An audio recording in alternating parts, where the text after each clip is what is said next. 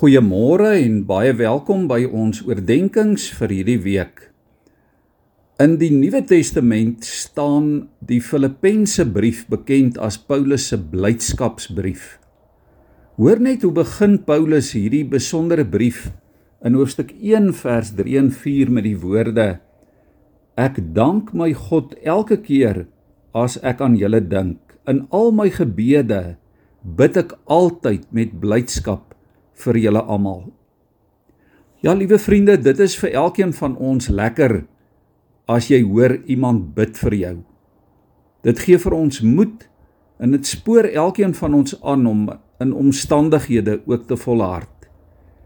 En so moet dit vir elkeen van ons as gelowige kind van God ook 'n opdrag en 'n vreugde wees om vir ander gelowiges te bid. Ons lees hier in Filippense 1 vers 3 tot 11 by Paulus ook presies wat ons vir ons geestelike familie kan en moet bid. Ons moet bid dat hulle sal volhard, dat hulle onberispelike lewens sal leef voor die Here, lewens wat vir die Here aanneemlik sal wees. Ons moet ook bid dat die Heilige Gees meer en meer goddelike liefde in ons medegelowiges se harte sal uitstort sodat hulle 'n verskil ook in hulle omgewing kan maak. Ja, ons moet vir mekaar bid vir onderskeidingsvermoë om ook te kan weet wat is reg en wat is verkeerd, wat is waarheid en wat is leuen en wat is goed en wat is sleg. Jakobus 5 vers 16 sê ook mos dat ons vir mekaar moet bid.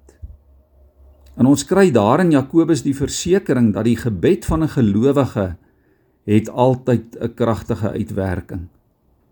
Romeine 12 vers 12 sê volhard in gebed. Nie net vir jouself nie, nie net vir jou eie behoeftes en jou eie begeertes en jou eie omstandighede of jou eie mense nie. Nee, volhard ook in gebed spesifiek vir mekaar. En so kan jy en ek vandag verseker weet, daar is mense wat op hierdie oomblik en letterlik elke oomblik van elke dag jou en my gebede nodig het. Mense wat ook staat maak op jou en my voorbidding. Baie keer in 'n krisis of in tye van siekte het ons as mense self nie woorde of innerlike krag om self te bid nie. Dit is juis dan wanneer ons vir mekaar moet intree, mekaar as medegelowiges na die Here toe kan bring deur ons voorbidding. In die Ou Testament lees ons onder andere van die onwillige profeet Jona dat die Here per geleentheid na Jona toe gekom het en hom aangespreek het omdat hy so traag was om vir mense rondom hom te bid. Daar in Jona 1 vers 6 vra die Here vir hom: "Wat is dit met jou dat jy lê en slaap? Staan op en bid tot jou God."